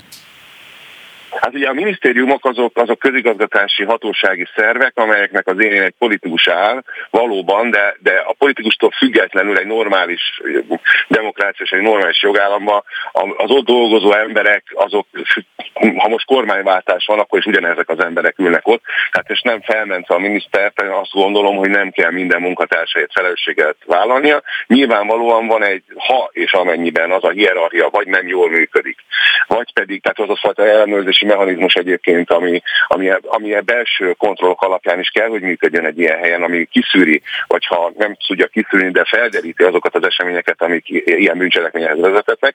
Ha ez nem jól működik, annak lehet politikai felelőssége, mert ha jól értem, akkor ez nem egy belső esemény kapcsán derült ki, hanem a nyomozóhatóság jutott el oda. Ergo nem az történt, hogy a munkáltató felfedezte egy belső kontroll eredményeképpen, hogy ilyen van. Tehát a politikai felelősség ilyen módon felvetődhet, de az analógia egyébként csak abból a szempontból azonos, hogy ugye itt is valamiféle pályázatokkal kapcsolatos visszaélésről van szó, de ugye ott a, a végrehajtói karral és a végrehajtói állásokkal kapcsolatosan volt ilyen pályázat, ez meg, ha jól értem, ez bárki által megpályázható nyílt pályázatok voltak, és annak valószínűleg vagy a feltételrendszerébe, vagy pedig az okirataiba, vagy más módon, nem tudom, hogy hogyan, de ezek szerint valamilyen módon visszaélés történt. Tehát ilyen szempontból azért nem ugyanaz a kettő, de kétségtelen tény, hogy a dolog érdemét tekintve ugyanolyan súlyú a jogalkotó szemében ez a fajta visszaélés. Szerintem fogunk még erről beszélni a következő napokban. Komlódi Gábor, nagyon szépen köszönöm, hogy a rendelkezésünkre állt így hirtelen. Szép napot kívánok!